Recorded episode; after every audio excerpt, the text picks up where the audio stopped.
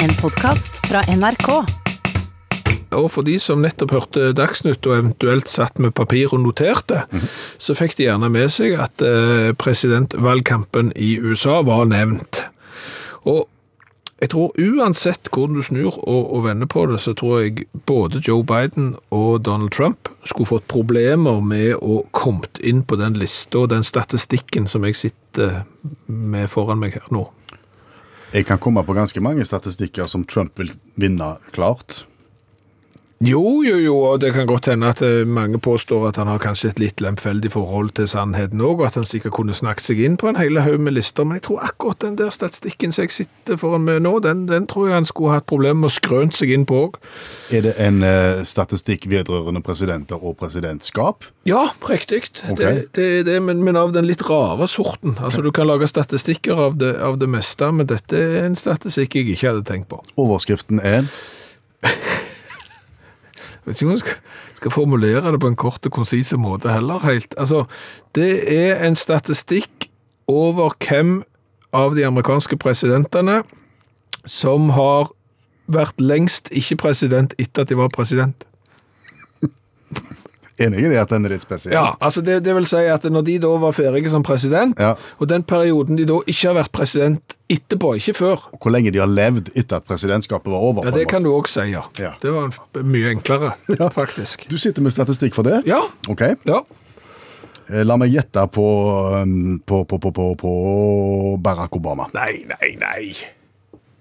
Jo, Kan jeg få begrunne forslaget mitt? Ja, vær så god. Altså Skal du på en måte være en president som har levd lenge etter at du var president, Ja. så må du ha vært president tidlig. Ja, Og nå slår det meg at Barack Obama fortsatt er relativt ung, så han har ikke rukket så mye etterpå. Men om, om langt om lenge vil nok han være på den lista, tenker jeg. Ja, for å si det sånn, det er jo mindre enn fire år siden han gikk av, så det der er jo helt historieløst. Altså, du har jo Bill Clinton lever jo ennå, og han har jo vært president før, og, og i mellomtida var Obama, så han, er jo, han bør jo iallfall være foran på den lista. Nei, det, det, nei, det var feil. Men vi kan være enige om at, eh, at det gjelder å starte som ung. Det hjelper, det. Det, er jo- det, det er jo derfor jeg mener, eh, argumenterer her med at Trump og Joe Biden ikke kan snakke seg inn på den lista, eller kommer til å havne på den lista, fordi at Joe Biden er vel eh, 77 år, eh, og, og Trump eh, han er vel 74 snart, eller, no- eller noe sånt. Mm. Så De hvis han vil går- uansett ikke få mange år etter at de er ferdige. Nei, med mindre Trump plutselig finner ut at han skal bli 150 år og sier at alt annet er fake news. Da kanskje. Det kan være. Ja. Og så er det vel også de som aldri rakk å komme inn på den statistikken i det hele tatt. Ja, de som ligger på bånn, ja. Ja. De, de som har faktisk null dager, da. Fordi at de eh, omkom underveis i perioden. De døde på post, ja, sånn som John F. Kennedy, som ble skutt i Dallas, eh, Abraham Lincoln, som ble skutt eh, på teater. De, de eh, slutta jo å være president i det øyeblikket de slutta å, å eksistere. Ok, ja, men han som, du- han som topper her, Ja. er det en som jeg har hørt om, eller er det en sånn haugammel som jeg ikke egentlig kan? Nei, du har hørt om han, ja. Men Så kan det han? er ikke de der rare presidentene som ikke helt vet hvem var på 1700-tallet og sånn, som du ikke har f- kontroll på. Moderne tid? Jeg vet ikke hva som er moderne tid, hvis altså, han var Det var i vår tid. Snakker med peanøttbonden. Vi snakker peanøttbonden, ja. Jimmy Carter. ja. Han starta relativt ung, og han lever jo ennå og er ganske gammel nå. Han er kjempegammel, han er snart 96. Han mangler bare eh, et par uker på å bli 96. Eh, Han ble da president i en alder av 52. Ja. Så han har da toppet da denne lista for hvem som har vært lengst ikke president etter at de var president, eh, i nesten 40 år. Men hvis Obama blir kjempegammel, Ja. hvis han blir nærmere 100, Ja, da slår han Carter. da, da slår han kartet. Ja, Men da kan vi komme tilbake til det da, skal vi det? Det, det kan, du, eh, kan du helt sikkert gjøre, for, men, men Obama var ikke yngst. Nei. Nei, han var 47 når han ble president for første gang. Kennedy var 43, og Roosevelt var 42. Eh, Men spør meg om noe interessant. Spør meg hvem, hvorfor en amerikansk president som var eldst. Du, Ja, hvilken amerikansk president var det som var eldst når han tiltrådte? veldig glad for at det spørsmålet eh, kom, Per Øystein. Det var nemlig Donald Trump. Ser du det? Ja, ja, altså han, eh, han var, Reagan var nesten 70, men Trump var 70. Eh, Og Biden, hvis han nå ble valgt, så kommer han jo til å trone øverst på den statistikken uten problem. Han som jeg har litt grann vondt av, Ja. det er mannen som var tre eldst når han tiltrådte da som president. Mhm, han heter Han heter Harrison. Harrison. han, bl- han var 68 år da, når han eh, ble president, og han var 68 år når han ikke lenger var president. Oi sann. Han satt på post i en måned før han døde. Ikke skutt. Nei, han- han fikk eh, lungebetennelse og tyfus og sikkert all slags. Da var det ikke mer. Nei, da var det ikke mer.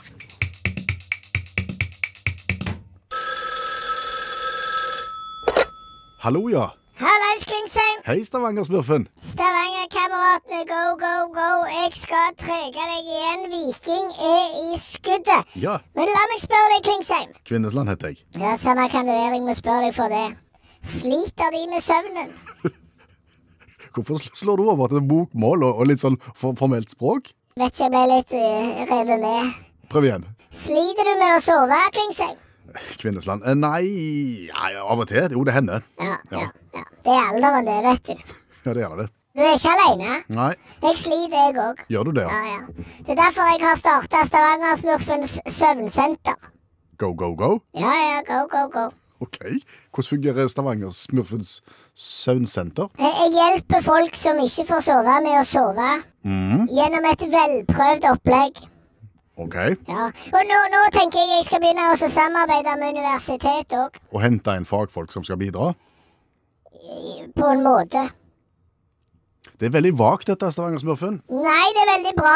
ja, det er det, ja. Ja, ja, men altså når du sier f- dra inn fagfolk som skal hjelpe, så skal jeg jo det, men på en måte ikke på den måten som du sikkert tenker at det skal komme sånn søvnforskere og foredra og sånn. ja. Det var det jeg tenkte, ja. Nei, jeg skal ha foredragsholdere. Foredragsholdere. Ja, gjerne i matematikk, fysikk og, og digital logikk. Ok. Ja. Skal jeg forklare? Ja. Jeg får, får ikke sove. Nei. Så ligger jeg der og tenker. Og du vet hvordan det er. Det er sånn selvforsterkende. Får ikke sove, nå må jeg sove. Får ikke sove, nå må jeg sove. Så får du ikke sove. Og det er jo da, i den perioden der jeg er på mitt mest kreative, Ok. så begynte jeg å tenke. Når sovna jeg oftest? Og så slo det meg klingsen. Kvinnesland. Samme kan det være det slo meg for det. På skolebenken. Da sovner du, ja. Da sovna jeg. Har ikke du sittet på forelesning du òg og blitt liksom Oi. Jo. Blafra litt med øynene, og så lurte du på hvor ble Hæ? Hva er det som skjedde? Kjenner meg igjen. Ja? Så da tenkte jeg altså å få til et sånt et samarbeid med universitetet. Så filmer jeg en del forelesninger. Og hvis du ikke får sove en kveld, så går du inn på Stavangersmurfens søvnsenter go, go, go på nettsida der. Og så kan du f.eks. finne deg da en forelesning i matematikk eller fysikk eller noe som du ikke forstår en drit av. Jeg kan love deg det, etter syv minutter så kommer du til å sove bedre enn Torne Rose. Ok. Er det ikke genialt? Og det Hva skal jeg si? Nå må du innrømme en genistrek når du ser en rett foran nesen på deg. Dette er så genialt at det er helt innlysende. Det finnes jo sånne søvnvideoer å, å, å laste ned eh, nå òg, men da er det jo fagfolk som på en måte snakker og, og, med en beroligende stemme. Ja, men det er fagfolk som snakker nå òg. De bare snakker om noe helt annet. Ja, skjønner. Ja, ja, det er det som er så fint. Det er ingenting som er så kjedelig som forelesninger og skole. Og spesielt på ting du ikke forstår. Så hvis du tar et fag som du overhodet ikke er interessert i, ikke har peiling på, så kommer du til å slukne på no time. Ok. Ja, Det eneste er jo å få ø, foreleserne med på dette. Ja, har du begynt? Så vidt. ok. Hvordan var reaksjonen? ikke udelt positivt. Nei. Nei. Var de åpne for å tenke på det, eller var det bare en, en snu- Egentlig ikke det heller. Nei, tenk. For de syns at det, å, å bruke faglig kunnskap til å få folk til å sovne, det syns de ikke noe særlig om. Skjønner. Ja. Men jeg, har- jeg har alliert meg med kajakken, da. Naboen? Ja, ja, ja. Hva skal han gjøre? Nei, Jeg har meldt han opp på noen fag på universitetet. ok. Ja, ja, han har ikke bare sånne åpne studier, han har ikke greie på en drit. Men jeg har meldt han inn der, og så har jeg utstyrt han med sånn videokamera. Og så skal han skal, han skal filme i smug? Han filmer litt i smug, ja. Så, så får vi tak i de forelesningene likevel. Bortsett fra den ene som jeg fikk tilbake igjen, da. Ja. Uff. Ja, da hadde han vært på en digital logikk. Vel? Han sovna jo, så begynte han å snorke på lydsporet. Så den kunne jeg ikke bruke. Nei. Så, men jeg gir meg ikke. Jeg har sendt han på en del andre kurs òg, så vi satser på det går greit. Jeg har dopt han med kaffe, så, så holder man våken et par timer. Så det kan gå greit. Får han en liten skvett av overskuddet da, hvis det går bra, dette her? Eh, Det får vi diskutere. Når den tid kommer. Ja. Så da bare sjekker du Klingsheim. Plutselig så har du Stavangersmurfens søvnsenter. Åpna en filial nær deg. Greit. OK, Fine. snakkes! Ha det. Vi har jo hatt en tradisjon eh, dersom vi i våre egne liv erfarer ting som kan eh, skape et forbrukertips som andre kan ha nytte av, så deler vi gjerne dem. Ja, fordi at det er jo media Jeg skal ikke si den viktigste jobben til media, men, men det er en av de viktige jobbene til media, det er jo å komme med forbrukerjournalistikk. Og så viser det seg jo at aviser og, og TV-kanaler og sånn, de gjør jo det, men de tar gjerne ikke de der små, litt smale tipsene som bare gjelder to-tre mann. Nei, men i dag tror jeg egentlig det gjelder litt mer enn to-tre mann òg, sa du. Fem? Ja, du skal ikke se vekk fra det. Hva hva er det du har på hjertet? Et forbrukertips eh, som gir mestringsfølelse i den andre enden. Oi, det er på, på grensen til godtepose? Ja, Ja. og det lyder som følger. Hvis du skal ut på joggetur, Ja. eh, legg gjerne turen i traseen til et pågående maratonløp. Hæ? Hvis du skal ut på joggetur, Ja. legg gjerne turen i traseen til et pågående Det maratonløp. klarer jeg ikke å forstå, fordi at hvis jeg hadde sprunget der i den traseen som maratonløperne springer, så kommer de i sånn en eh, liten shorts med høy skjæring, og så har de sånn singlet på seg, og så veier de 48 kilo, og jeg har hverken sånn shorts eller sånn kropp. Det var de, altså, de, de som du beskriver nå, Ja. de kom. Ja. Men nå skal du høre her. Ja. Mm. Jeg skulle ut på min vanlige joggetur, som er i sløyfa på en 4-5 kilometer, og den avsluttes rundt et vann. Ja. Og jeg kom til vannet, og var, hadde da sprunget en, et par kilometer og hadde to-tre igjen. Ja. Plutselig så oppdager jeg at her er det litt mye folk, og det er litt piler og det er litt flagg. Og så kommer det da disse som du skildrer med høye skjæring, Ja.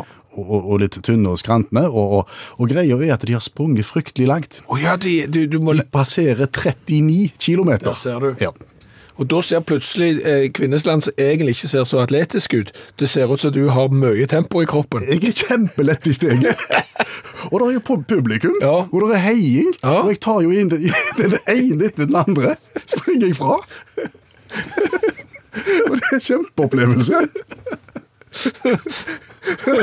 og de puster og de Ja. peser. Jeg er jo ikke tung i pustet. Jeg, jeg er knapt kommet i gang. Men, men kan jeg modifisere dette forbrukertipset, for dette var bra. Ja. Men for, der, der er to ting. Du må jo da for det første passe på å komme såpass eh, seint inn i løpet dis. Uhyre viktig. Ja. Du går på en smell hvis du er tidlig. Ja, det må du gjøre. Men så må du òg passe på at du da er ute og trener på din runde Ja. såpass seint at det er de som ikke vinner maratonløpet, Ja. som er der da. Ja. For jeg, jeg har jo sett de som vinner maratonløp. De springer jo 42 km. Hver eneste kilometer av de 42 springer de fortere enn jeg klarer én. Nettopp. Så jeg, jeg tror jeg traff helt 100 Ok. for de var, de var sluttkjørte, sa du. Den ene etter den andre. Jeg sprang, jeg sprang ikke i mål. Ja, det hadde vært Ja. toppen på frekkhet. Rett, rett før målseilet så skvatt jeg ut til høyre.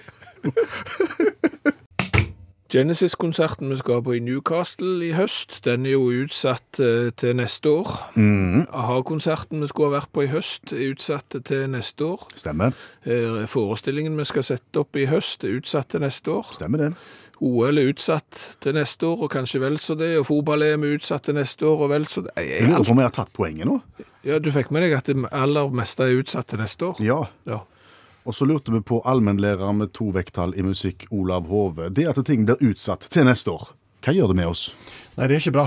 Det er ikke bra, men, men jeg tror det finnes verre. Det er når ting blir utsatt bare litt, og litt, og litt, og litt, og gang på gang, og gang på gang. Ok. Jeg kan bare spørre de som eh, opplevde tredje runde i FA-cupen i 1963. Ja, alle dere som opplevde FA-cupen i 1963. Og da skal vi til England. Da skal vi til England og fotball, og det, det er jo den vinteren som ble kalt den store frosten der borte. Og så skulle de spille tredje runde i FA-cupen 5.1. Det skulle spilles 32 kamper. Alt bortsett fra i London ble avlyst.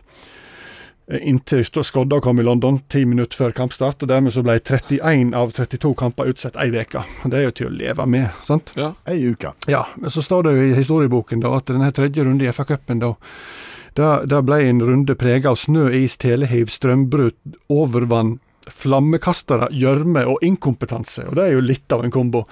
Og for eksempel, hvis vi tar en kamp da, Blackpool-Norwich skulle spille 5.1, ble utsatt til 12. Kunne ikke spille 12., ble utsatt til 19. Kunne ikke spille 19., da var det snø til midt oppå eh, målstolpen.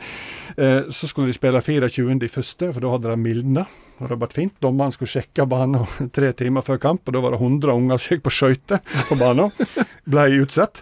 Eh, eh, og så når de endelig kom i gang og fikk spille kamper, så, eh, for det ble mildere selvfølgelig, da, ja, så, eh, så, eh, så frøs det til under kampen. Så de spilte 35 minutter av, eh, av to kamper, eh, to helger etter hverandre. Og så når de endelig fikk spille en hel kamp, så spilte de selvfølgelig uavgjort, så det ble omkamp. Og Brighton, som ble slegen ut i andre runde, Ja. de, de skulle spille seriekamp mot Leeds, som prøvde å bli ferdig med kamp- cupkampen sin mot Stoke. Så de ville iallfall passe på at de hadde ordentlig bane, og de hadde en entreprenør med flammekaster. Så han tinte banen i en fei, og ødelagte gresset for evig og alltid, og banen frøs til igjen etter 25 minutter. Da. Og da er det jo slik at når slike ting skjer, så sier jo noen her må noen ordne opp. Ja. Så Fotballforbundet gikk inn og sa vi setter ned en komité. Og de setter ned en komité, og komiteen fikk tak i seks matematikere fra Oxford. Kjempelurt, som aldri hadde, de hadde hørt om fotball. da. Og de lagde en algoritme da, som matematisk på en måte avgjorde kampene. Og kom med et forslag om det at det her er de beste laget, de vinner.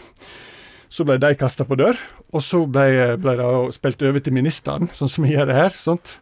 Og datidens Abid Raja, han heter Quentin Hogg. Han var og lor- lorden av Halesham. Veldig glad i jakt og fiske. Og akkurat når det her skjedde, så kunne jo han drive med isfiske, og det har han aldri gjort før. Så da var han fryktelig opptatt. Og dessuten så var det jakt på sånn quail eller noe sånt, så han hadde ikke tid til det her. Så han sa beklager, men Fotballforbundet sa vi har dårlig tid, det må skje noe. Jo jo, sa, sa ministeren, jeg har ansatt en ny mann, ryddige type. Han skal bare komme hjem fra Afrika, for han har jo vært 15 år i utlandet og var, var guvernør i britisk Honduras, britisk Guyana og i Kenya. Og dette her er en mystisk mann, og han dukker opp, og, og, og de har store forventninger, og han er kjent for uttalelsen. Hallo, takk for tilliten. Det aller første jeg skal gjøre nå, er å lære meg reglene i dette tilsynelatende spennende idretten. Ja, Så ble ikke det noe av han, da, kan du si. Så, men så tinte det opp, da. Og hvis du har hatt permafrost på fotballbanen og prøvd å tinte opp det i godt og vel halvannen måned, med, med, med mer jord, med sagflis, med sand Når det tiner Sorpa. å, hjelpe bevares meg vel, det ble sørpa. Så fra 20. februar så ble det sørpeproblematikk, og 57 ganger ble kamper utsatt. Endelig, 11. mars, da. Så spilte Laton Orient mot Hull, og det var siste kampen i tredje runde. Da var mange lag kommet i femte runde allerede. Og da, da hadde kampene blitt, i den runden blitt utsatt 261 ganger. De hadde spilt på 22 ulike dager. Halvparten av kampene ble utsatt over ti ganger. Verst var det med Birmingham Bury, som ble utsatt 14 ganger. Så tenker en det er verdensrekord, men det var mye verre i Skottland. Hæ? For Strander mot Erdri, det var verst av alt. De eh, skulle spille andre juledag, sin tredje rundekamp i cupen. Ble utsatt eh, noen ganger, helt til eh, 24. april, når de fikk avgjort kampen. Da har han blitt utsatt 33 ganger. Og, og, og Strandre her, som hadde et eh, tilskuddssnitt på 1200, de hadde da i en periode to fulltidsansatte som kun jobba med refusjon. Så ja, det kan bli verre. Det er ikke bare bare om utsettelser. Veldig kjekk for bookmakerne, da. Så nå kan du, sp- kan du sette penger på hvor og mange ganger ble denne kampen utsatt. Takk skal du ha. Allmennlærer med to vekttall i musikk, Olav Hove. Vi har jo fått en eh, mail her fra Morten. En lang en. En veldig lang mail. eh, og Morten har jo skjønt eh, hva mekanismer som virker i livet. Eh, han begynner med smiger. Han gjør det. Første linja. Første linja. Det er en fryd å høre programmet deres. Takk for eh, mye moro. Da er vi solgt. Da tar vi opp alle temaer som folk vil. Ja, da leser vi videre. Og det dreier seg om eh, det som heter Egebergs ærespris. Fortell hva det er. Ja, Egebergs ærespris, det er jo en pris som at det kanskje er den prisen som iallfall har hengt høyest blant norske idrettsutøvere, blir det sagt. Eh, Fordi at du får da prisen fordi at du skal være allsidig. Du skal da være god i to idretter. Ja, ja, ja. Og den er jo da eh, s- går tilbake helt til 1919. Innstifta av kammerherre Egeberg. Ja, egentlig kabinettskammerherre Egeberg, Ja. eh, for å være helt ærlig. Julian Egeberg. Og som sagt, eh, kanskje Norges høyeste eh, utmerkelse sånn idrettsmessig. Fordi Nei, som sagt, fordi at du da skulle være god i to idretter. Og det, I starten så var det sånn at du skulle være god i en sommeridrett og en vinteridrett. I den ene idrettsgrenen så skulle du ha internasjonal toppklasse, og i den andre så holdt det med nasjonal toppklasse. Men hadde du det, så var du plutselig en kandidat til denne prisen. Nettopp. Gi oss noen eksempler på, på noen som har fått. Altså hvis, hvis du da eh, går tilbake til når det virkelig da var eh, to forskjellige idretter vi snakket om, så er det jo Bjørn Wirkola for eksempel, som fikk prisen både for skihopp og fotball. Eh, nå er ikke jeg fr- fryktelig eh, Har ikke veldig god kjennskap til eh, Fridtjof Prøtz.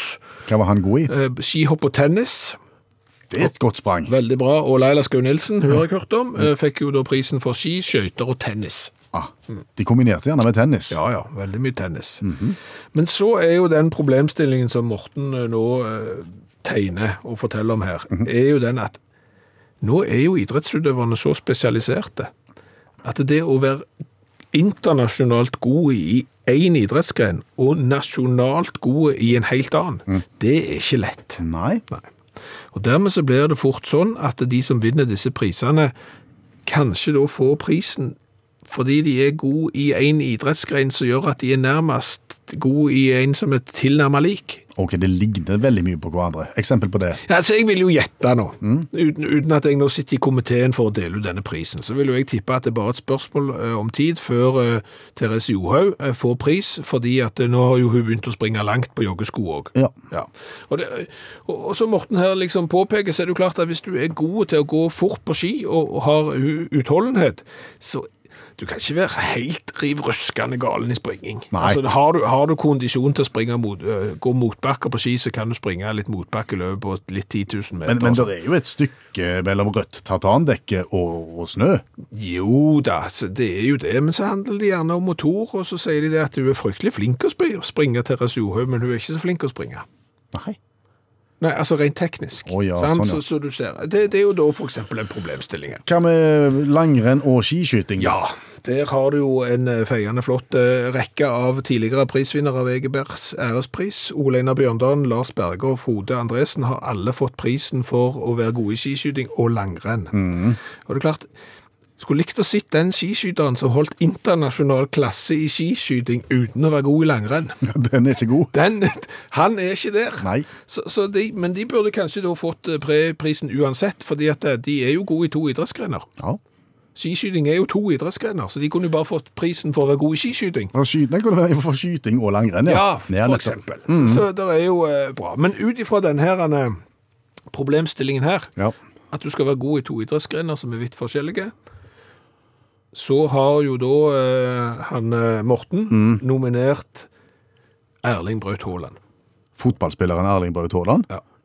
Det- Vi vet han er jo internasjonal klasse der. Ja, Hva- i- i hva- fotball. Ja, Hva er han god i utenom? Han mener han er god i løping.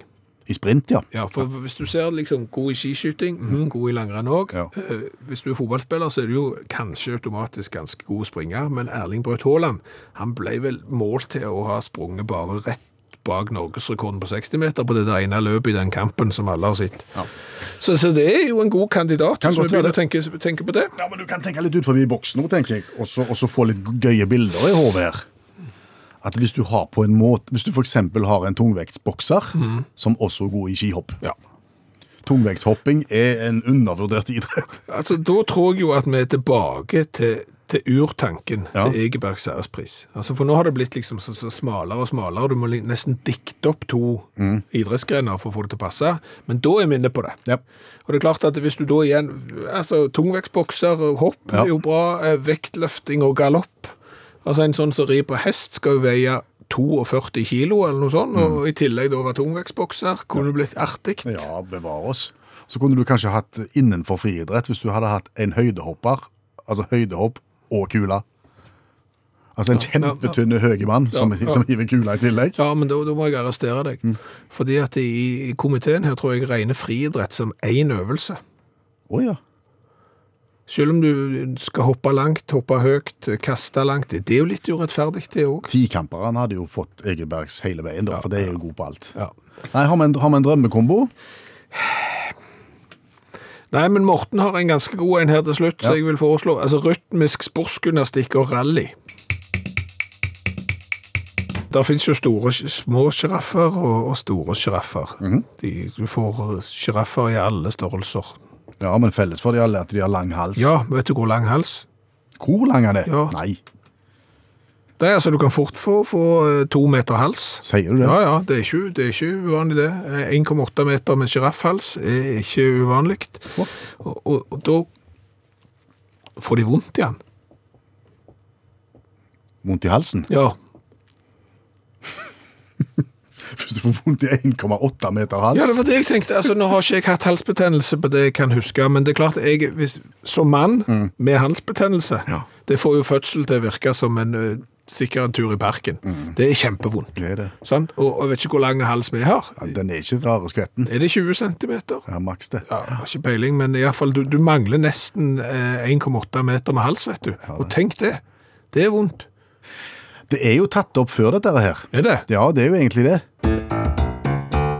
Og nede i sjiraffeland, der var det sorg i valsen. For åtte små sjiraffer hadde fått så vondt i halsen.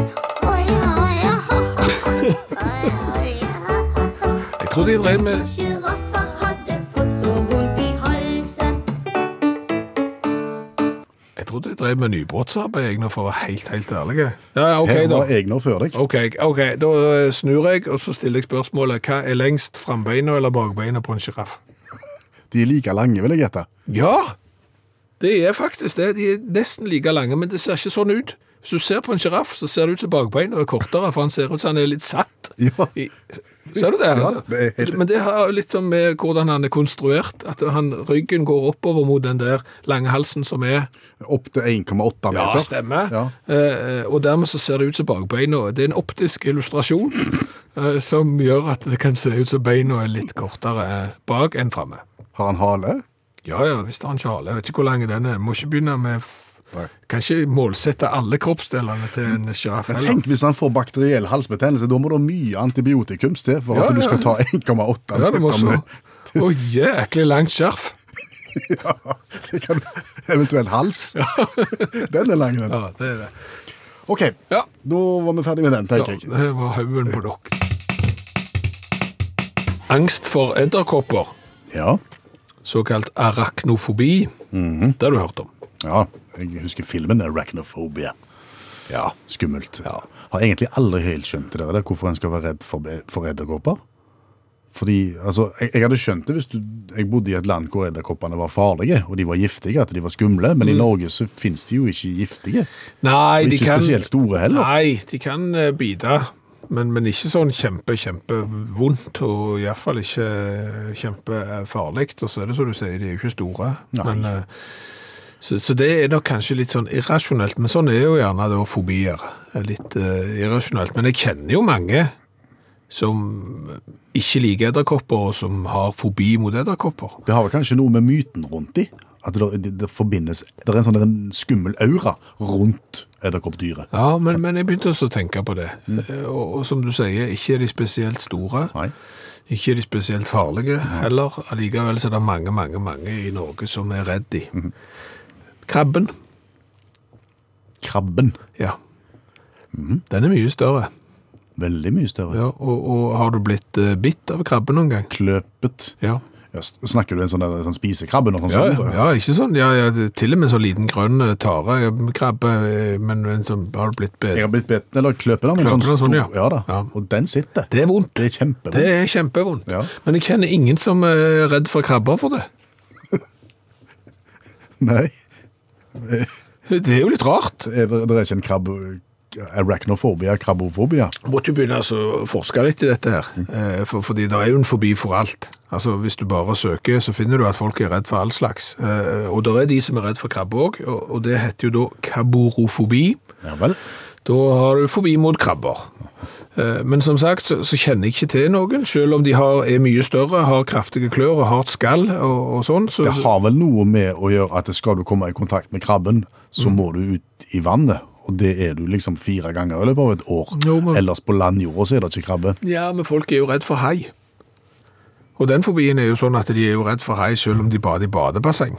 Ok. Så, så, det er jo, og, så, så det er jo muligheter til å bli eksponert for krabber, selv om de ikke henger ut forbi soveromsvinduet ditt og så lager sånne spinn og kryper inn eh, åpne vinduer når du sover og sånn. Nei. Så, men, Kjenner, kjenner vi til noen som har krabbefobi? nei, så måtte jeg begynne å lete da, og så fant jeg en artikkel som var noen år gammel, og det viser seg jo det at det finnes kaboro, kaborofobi, som jeg sa. Emma Mm. forteller at hun er redde for krabber.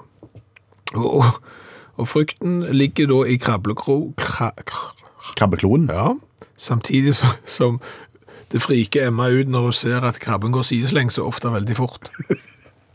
Ja, han gjør jo det. Ja, ja, det, er jo- det ser litt rart ut, for du, får, du forventer skal gå framover, men nei, da, han, han, Han går fort sidelengs. han går bare til høyre og venstre.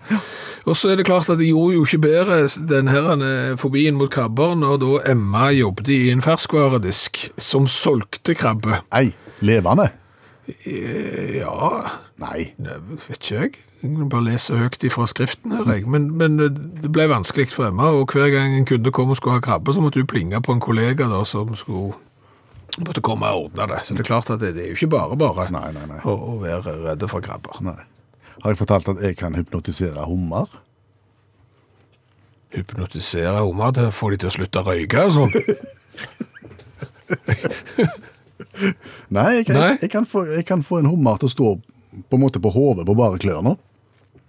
Vent nå. Stå på hodet på bakklønna. Ja, støtte av klørne. Det er litt vondt Ok. å forklare dette, her, men det, det handler om dette har Opp jeg ned lært. halen i været. Ja, jeg har, Ok. lært, jeg har lært dette her av en gammel fisker. Ja. Jeg, jeg klødde han, Du skal liksom skrape han og klø han lenge nok oppå, oppå hodet på et vis. Ok. Og når du har gjort det, så kan du på en måte vende han rundt og sette han på hodet, og da står han. Er dette et partytriks du har fått veldig bruk for? Uhyre sjelden. Skal jeg lese noe fra nyheten i dag?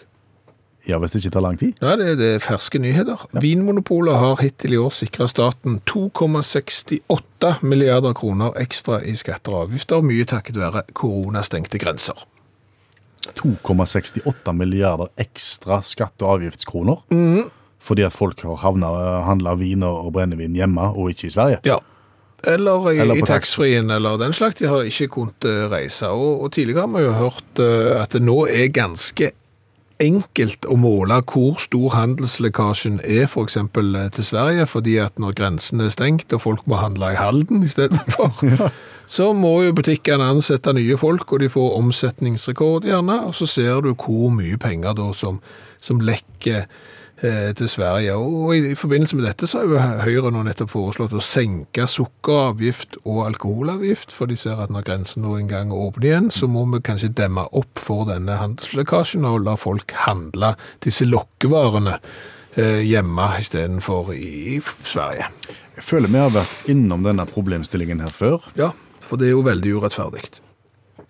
Hva er det som er urettferdigt? At vi ikke kan.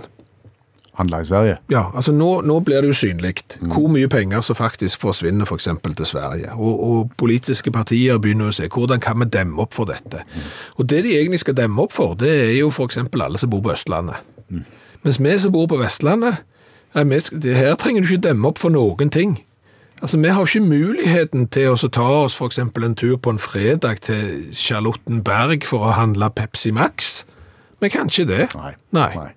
Og Dette har vi snakket om tidligere, og vi syns det er urettferdig. Ja, du har sågar eh, gitt en overskrift. Ja, jeg har, jeg har det. Jeg syns jo at vi i, eh, i, på Vestlandet f.eks. burde få en kompensasjon for bortfall av muligheten for grensehandel. Det var Kompensasjon for bortfall av muligheten for grensehandel. Kall det gjerne skattelette. Er det flere som er enige i dette? Ja, faktisk så er det det. Ikke veldig mange. Nei. Nei, altså ikke sånn offisielt i hvert fall, men det er da ei Facebook-gruppe som har ni medlemmer. Eh, s- Vi som vil ha ekstra skattefradrag pga. Av avstanden til Sverige. Ja, nettopp. Eh, Jeg har delt den eh, gruppa på, på vår Facebook-side. Ok. Så får vi se da om det kanskje er mer enn ni stykker som, som er enige. Du, ja. Men eh, vet du hva? Dette problemet her kjenner folk seg igjen i også på andre måter. Altså, Vi kan ikke kjøre til Sverige, for Nei. vi bor på Vestlandet og handler billig. Ja. Men vi bor i en by Ja. med stor konkurranse, mange kjøpesenter. Ja. Eh, Så er det folk som bor grisgrendt. Ja. Én butikk, Ja. mye dyrere. Ja. Da bør de ha skattelette for bortfall av muligheten til å gå på supermarked. Det bør de ha. Ja, alle skal få. Ja, alle skal få, så jeg er for så vidt enig i det. Eh, Nå kan du si at det er kanskje ikke så dyrt hus der. Grisgrendt. Ja, Nei. men det, det, skal, skal, ikke- det skal ikke være de tale i disfavør, nei da, for all del. Men det er klart at bor du grisgrendt eh, på Vestlandet, så faller du inn under den samme potten som skal ha kompensasjon for bortfall og mulighet for grensehandel. Hvordan skal du tegne dette kartet her, som skal på en måte danne grunnlaget for, for kompensasjonen? Nei, jeg ser jo for, det er jo, det er jo rene matematikk, det. Eh, Altså, jo- Antall kilometer til Sverige- svenskegrensen Ja, ja. ganger med et kronebeløp. ja, altså jo lenger vekke, Mm. jo- jo større fradrag. Akkurat. Det er helt logisk. Ja, Men hvis du da bor i, eh, i Nordland et sted, og da er det jo relativt kort vei til grensa, Ja, men altså- det er ikke noe på den sida akkurat der. Ja, nå, nå snakker du detaljer. Dette kan ikke jeg ta her og nå. Altså, Dette må vi i, i gruppa sette oss ned og diskutere og se på eh, helt nøye. Men f.eks. i Finnmark så reiser de jo til Finland. Ja. Og Så må vi jo se om er Finland like billig som Sverige, og så får vi lage opp en ligning der òg. Men altså, det er jo grunnprinsippet Ja. vi da må være enige om. Med loka, loka. Hørte, jeg- jeg fikk ikke til å snakke som politikerspråk. Nei, du gjorde ikke jeg det. gjorde ikke det. Eventuelt så får vi bruke eh, om igjen det vi har. Er du klar til å smake cola? Ja, Ja. For, no, for noe godt har det jo kommet ut av eh, at folk har kunnet reist bitte lite grann igjen. Ja, for vår del så kunne du strengt tatt bare holdt eh, grensene stengt hele sommeren. Jeg skal ikke gå inn i den debatten der, men som du sier, så har det jo kommet noe godt av at folk har reist til både røde og grønne land. Eh, Vi har da fått cola fra den eh, store verden igjen. Ja, Vi nærmer oss jo 300 varianter som vi har smakt på fra hele verden. Det stoppet jo brått opp i mars-april, men nå har vi litt flere å gå på og skal gå løs på en ny en i dag. Ja, Det er veldig godt at eh, det nå begynner å renne inn litt cola igjen til oss, for vi var jo, s- måtte jo søke nesten til, til staten om å få kompensasjon. for bort... Nei, det er på tullet. Ja. Ja, vi gjorde ikke det. Vi skal til Danmark i dag. Vi skal til Danmark, og vi skal svare, smake på Old Style Cola Classic. Ok. som er fra De Jøske Brøghus. Eh, Det er da en cola som vi har fått fra Greta. Den er da kjøpt på et lokalt gårdsutsalg eh, i Odder. I Odder i Danmark. Ja, Fru Møllers Mølleri. Fru Møllers Mølleri. Ja, ja. Mølleri, møllera. Ja. Og eh, Cola Classic smaker som en riktig cola skal smake, søt og frisk, sier danskene sjøl. Fås også som en moderne Cola Light, fyldig og med masser av smak, produserer det og tappet i Danmark. Hva vet vi om Møllers Mølleri? Møllers Mølleri vet vi ingenting om, men det er Jyske Brygghus som har lagd eh, denne, denne colaen. eh, De er jo da egentlig sånn et bryggeri som lager øl. Å ja. Ja. Og, og er da innunder United Brewery-paraplyen, som eh, har mange andre bryggerier, og så selger de litt øl hist og her. Var det litt svakt? Utrolig vagt. Ja. Ja. Har ikke funnet ut så veldig mye om det. Nei. Men jeg kan beskrive denne flaska. Det er jo en tullestørrelse på 0,27. Å ja. Ja, Den, er, det- den er glass. Ja, det er sånn en liten som du får på restaurant, og så i det kellneren har helt den oppi, så har du drukket den opp, og så må du bestille en til, så koster den 100 kroner, Ja. og så er du fremdeles tuste. Men eh, motivet er da en rød etikett, og på den etiketten så er det en sjømannsdame, Ja, med, med kort shorts. Uhyre kort shorts. ja, med hotpants, anker i øyra og sånn eh, seilerhatt, og jeg er bombesikker på at hun har ikke satt sjøbein noen gang i hele sitt liv. Nei. Nei. Men, det- men det skal vel være litt sånn der old American style. Det er vel det en spiller på her, er det ikke det? Det er nok det. Litt sånn Marilyn Monroe-aktig. Ja, smaken man husker fra sin barndom. Ja. Er du klar? Vi er klar til å smake et produkt fra Møllers Mølleri. Nei, fra Jyske Brygghus. Det er kjøpt på Møllers Mølleri. Må du holde. Jeg synes det var så artig lite bokstavrim.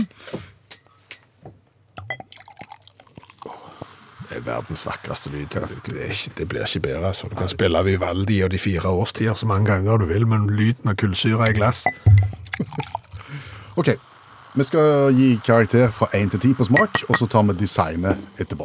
Begynner med smaken.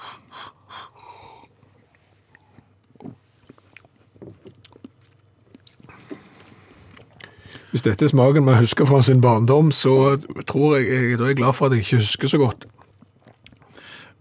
Hvis dette er smaken jeg skulle huske fra min barndom, så hadde det betydd at jeg ikke husker noen ting fra min barndom, for den smakte nesten ingenting. Var ikke god. Det lille som smakte, var litt beiskt. Ja, altså. At det var svakt. Skal det være økologisk og, og, og på Nei. en måte i pakt med naturen, dette her? Nei, det, det, de har andre produkter på sitt eh, assortiment som skal være det. Ok. Eh, ikke denne. Nei, Nei, det var fysj og fy. skuffende. Det kan ikke få mer enn tre i smak. Tre av ti mulige. Jeg er helt enig. Det var utrolig svakt. Eh, så er det den her han ikke sjøsterke dama her i hotpants og anker i øra. Er det tøft, eller er det bare Ja, Jo, jeg syns jo den, den Du husker den etiketten der, og du husker på en måte formen. Jo Midt på tre. Fem i design fra Kvinnesland. OK. Jeg gir fire. Du gir fire. Da er vi på ni der og seks der, og det er 15, og det er ikke all verden. Nei, det er litt under midten, det, Ja. totalt sett. Ja, så det er en middelhavsfarer, bokstavelig talt. Så skal du på Møllers Mølleri, så kan du se om du kanskje finner noe annet enn Classic Cola. Ja, absolutt. Hvis jeg har forstått det rett, så er det sånn at andredivisjon i fotball nå, De spiller bare mot hverandre én gang istedenfor to, men hvem som har hjemme og hvem som er borte, det er jeg ikke helt bombesikker på. Men så er det vel sånn at de syv beste skal spille mot hverandre i et sluttspill, og de syv da Det er litt det er komplisert. litt komplisert. Og så er det jo snakk om at de under andredivisjon, tredjedivisjon og lenger ned, eh, bred- såkalt breddefotballen, de skal jo også kanskje få lov å begynne å spille kamper en gang i høst. og da er det jo en utfordring hvordan i all verden de skal organisere seg for å få gjort unna denne serien. Ja, For det er mye folk og mye lag, og, og tiden er knapp. Ja. Ja. Eh, Allmennlærer med to vekttall i musikk, Olav Hove. Har du tenkt litt på dette? Ja, jeg har det. Og det er ingenting i veien for å gjøre det enda mer komplisert. Ehm, og det finnes masse eksempel. Og Vi trenger ikke gå til fotballen, vi kan f.eks. gå til sånn, sånn amerikanske, eh, ehm, den amerikanske gressklippa racing-serien. Det, fin, det fins. Og, og Hva er det de gjør? de kjører gressklippa om kapp. Sånn som du sitter på? Ja. Hvis du dukker opp med Flymo, så blir Så det har du tapt. så blir du kasta ut. Ja. men de spiller, over, de spiller, de kjører over hele USA, da. Og, og, og eh, om de tror det eller ei, det er lite sponsorpenger i gressklipperracing. Så hvis du da f.eks. er fra Florida, og så skal du, skal du da kjøre gressklipperracing i Los Angeles på en lørdag og skal på jobb igjen mandag, så rekker ikke du alltid det. Og da har jeg en sånn ordning at du trenger ikke møte opp så lenge du er påmeldt, så kan du få litt poeng likevel. Og, og, og hvis du er så langt vekke som Florida, så får du ganske masse poeng. Hvis du er mer sånn i Midtvesten, hvis du er nærmere Los Angeles, så får du litt mindre penger. Så i teorien da, så trenger ikke du møte opp på antall eller ett løp, og så kan du vinne hele skiten. Det har ikke skjedd enda da. Men det er jo en idé, kanskje, da, for breddefotballen. Hvis ikke de rekker å spille kamper, så kan vi si sånn at eh, Hvis ja, det er så langt til bortekamp at du føler at du ikke kan dra, så vil du allikevel få uavgjort, f.eks. ja, ja, ja, ja, vi orker bare ikke. Nei, men de skal få et poeng. Det er greit. Takk for interessen. Og så har, du- men eh, fotball, da. Hvis du har en nederlandsk førstedivisjon, 20 lag, spiller mot hverandre, og så er det det laget som vinner, rykker opp. Og så eh, skal lag 2-5 spille playoff. Og de får med seg Og nå er det noen som skal holde seg fast. De får med seg lag som har, har gjort det godt ro- eh, i forskjellige perioder i, den, i løpet av den sesongen. De deler sesongen inn i fire, så da fra kamp 1 til 9, så 9 til 18 osv. Og, og de lagene som gjenstår i serien da, og som har gjort det best i de periodene, de får òg spille playoff. Det er litt sånn alle skal få-opplegg, da. Og da kan du risikere at sånn som Sparta Rotterdam i 2013, de var ett poeng fra å rykke ned. Men de hadde gjort det jækla godt i begynnelsen av serien, så de fikk være med i playoff. Kom helt i finalen og helt på å rykke opp, selv om de egentlig skulle ha rykt ned. Men kanskje vi skal gå for Tasmania? Ja, la oss gjøre det. Ja. Det, det er en sånn en eh, holme ned forbi eh, Australia, det. ja. Det er jo eh, helt riktig. Oppdaga av Abel Tasman. Han fant ikke Australia, men han fant Tasmania. Det er jo interessant at du snur deg, mann. Men uansett Tasman... men, eh, men eh, Tasmania, NPL heter ligaen. Interessante med tasmansk eliteserie er at de har hatt s- enormt mange forkortelser i serien sin. De har faktisk hatt både FFT, TL, VL, PS4 VL, NPLP og nå NPL. Og det er imponerende en serie som ble stifta i 2012. Men, men, men uansett, Hva er det så spesielt med den serien? åtte lag Ja. spiller én eller to ganger mot hverandre. Legg merke til det. For eller å- to. For å se hvem det er til. Seks lag går til playoff. Ja. Og så står det i regelverket for å få det til å gå opp. For seks lag går tydeligvis ikke opp. Eh, n- så så tar de med vinneren av andredivisjon. De to avdelingene i andredivisjon. Ja. ja, for de har altså en nord- og en sørpulje. NNPL og SNPL, for øvrig. for å si- Siden vi begynte med forkortelser. Så da, da tar du med deg vinneren av andredivisjon opp i Eliteserien og spiller playoff om å vinne Eliteserien. Det betyr at du kan vinne serien uten å være med igjen engang. ja. Ja, som holdt på å gjøre når Northern Rangers i 2014 kom til finalen, fikk sølv da, som vinner av, eh, av nordlige andredivisjon. Så holdt de på å vinne førstedivisjon. Og da begynner det å bli passelig komplisert, sant? Det er ikke noe fint. Hvordan gikk det med tredjedivisjon i Hordaland? Jo, de rykte faktisk opp til Eliteserien, de. For, for, fordi at de hadde så mange reisedøgn at de fikk så mye poeng. Og neste år skal de spille Europacup. Takk for den orienteringen. Allmennlærer med to vekttall i musikk, Olav Hove.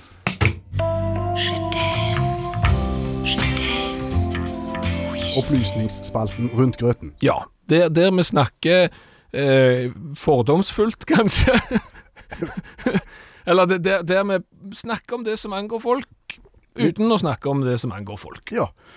Og Om tema som vi gjerne da får innspill om. Og, og, og en som kaller seg for Spanske Trond her, Ja. har sendt oss et spørsmål i så henseende. Han har vært ganske direkte i spørsmålsstillingen sin, og det kommer ikke vi til å benytte sånn. Nei, men jeg, jeg tror hvis vi skal komme til, til det poenget som spanske Trond sliter med her, uten å, å si det sånn at folk blir flaue, så, så er det nok sånn at spanske Trond er ute på, på skytebanen, for eksempel, Ja. kan det være. Og, og så går nok kula ut av geværløpet uten at spanske Trond har, har trykka på avtrekkeren, Oi sann. hvis du skjønner hva jeg mener. Skuddet går for tidlig, på en måte. Ja, altså uten at det er meint sånn. Å. Ja. Ja vel. At det passet egentlig ikke da, men det skulle nok vært skutt en annen gang. Gjerne litt senere. Gjerne litt senere, ja. Ja. I konkurransen. Ja. Ja, hva råd skal vi gi til spanske, Trond? For vi tror vi har skjønt problemet, ja. Jeg tror vi har skjønt problemet, og øh, jeg tenker ha, Ikke, ikke bli direkte nå. Nei, øh, har du mista Har du mista brus i bakken noen gang? Er brusflaska? Ja. Ja. Når det skjer, så, så, så bygger det seg jo opp et alvorlig trykk Ja. inni den flaska, og det, det tror jeg er stikkordet her. Ja, for skrur du da opp korken, så er det Og så ryker alt, og så blir det bare søl. Ja, det, Ja. det er det. Og jeg, jeg tror den øh, brusflaska kan hjelpe spanske Trond her på vei. Fortell. Nei, fordi altså, hvordan løser du det når, når du har mista denne flaska i bakken? Hvor- Hvordan eh, ordner du opp i situasjonen da, for, for at du skal kunne bevare brusen? Det er flere måter å gjøre det på. Ja. Den ene er jo å gå rett i vasken, og så få ut Det rådet skal du ikke gi til Trond. Nei? Det det er ett råd til, det er litt kjedelig råd, og det er jo også på en måte sette flaska vekk til, til det verste har lagt seg, og så eventuelt prøve på ny seinere. Det er heller ikke Nei, spennende. det er ikke så, så kjekt det heller, men, men jeg, det er den siste varianten vi vil foreslå her. Ja, og det er rett og slett å å åpne bitte lite grann på trykket. Slipp ut litt om gangen. Ja, altså å slippe ut bare trykket, ikke slippe ut på en måte væske. Nei. Det er poenget her. sant? Du må være såpass kjapp at du, du må på en måte avbryte før det har kommet ut noe som Ja. Ja. Så bare, rett og slett. Og dette har jo vist seg da gjennom gjentatte ganger at hvis du gjør det med brusen, at du åpner, lukker, åpner, lukker, åpner, lukker, sånn, så er det til slutt såpass lite trykk igjen at da er det trygt. Ja, da kan du åpne den helt og holdent. Ja. Men da er ikke brusen god, har jeg tenkt på. Ja, da er det jo ikke kullsyre igjen. Nei. Du, hva har vi lært i kveld? Mye. Flott. Vi har blant annet lært en del om amerikanske presidenter. Vi har lært at Jimmy Carter er den amerikanske presidenten som har vært lengst ikke president etter at han var president. Ikke spesielt interessant. Nei, jo, det er det. Han har vært en- ikke president i 40 år nå, snart etter at han var president. Ja. Eh, Trump er den presidenten som var eldst av alle når han starta preside- presidentembetet sitt. Og president Harrison var den første som døde på post, og også den som har vært kortest president i USA. Han var bare president i én måned. Han skal da visstnok ha stått ute og holdt en eh, lang tale i bare skjortearmer eh, i mars, da det var kaldt og, og sånn, fordi at han var, ikke- var ikke tøft å stå i tjukk jakke. Og så ble han forkjølt, det. Så fikk han lungebetennelse og det som verre var, så han varte i en måned. Oi sånn. sann. Eh, Så har vi lært det at eh, når du setter fokus på ting og får medieoppmerksomhet, eh, så skjer det noe. OK. Facebook-gruppa Vi som vil ha ekstra skattefradrag pga. Av avstand til Sverige, har vi omtalt i programmet i dag. Ja. Og de har jo da mer enn fordobla medlemsmassen sin i løpet av dette radioprogrammet. Sier du det, ja? Hva har de gått fra og til da? Nå er de 20. Og de var ni, ja. Ja, vi er 8. Og de var åtte. Så det er kolossal økning i prosent, eh, men ikke så stor økning likevel. Så har jeg jo lært av deg Ja. at hvis du skal ut på joggetur og vil imponere, så legg joggeturen da gjerne inn i en maratontrasé, helt på tampen av maratonløpet. For da er de som springer maraton, de er dødsledende. Yes. Og så kommer du og har sprunget 400 meter før, og rett inn i traseen og ser ut som verdens sprekeste fyr. Og for mye applaus. Det er så flaut. Det skjedde med deg i helga. Ja. Det er så pinlig. Så har jeg jo lært det at Old Style Cola fra det jyske bryghus i Danmark, den er ikke god. Den var ikke mer enn den måtte være. Nei, den er ikke mer enn det må være i det hele tatt. Og så har jeg jo lært at eh, en cupkamp i Skottland i 1963 ble utsatt 33 ganger. Det er lenge. Det er mange ganger. Den skulle egentlig være spilt tidlig i desember, og ble til slutt spilt i april. Og da hadde de måttet avlyse 33 ganger. og Det var jo på grunn av vær, og det var jo, så var det noe annet vær, og så var det enda noe mer vær, og så var det Og når, når eh, tiden og telen la seg, så ble det sorpa, og så ble det graps, og så måtte en utsette pga. det òg. Ja. Og så har jeg lært at det er de som er redd krabbe. Ja, ikke bare edderkopper, men også krabbe. Og hva kalles den fobien der som gjør at du er redd for krabbe? Den kalles for kaborofobi. Og da handler det gjerne om krabben sine klør, og at han kan gå fulle, fulle fart sidelengs. Ja, for det er jo litt rart at det er så mange som er redde for edderkopper når den er ganske bitte liten og ikke s- klyper spesielt hardt. Den biter litt, men krabbe for eksempel, Mhm. med de klørene. Men det er vel kanskje fordi han ikke henger ut forbi soveromsvinduet ditt i et sånn nett, krabben. Det er kanskje derfor han er litt... Den dagen du oppdager det, da hadde jeg ikke blitt redd. Du har hørt en podkast fra NRK. Hør flere podkaster og din NRK-kanal i appen NRK Radio.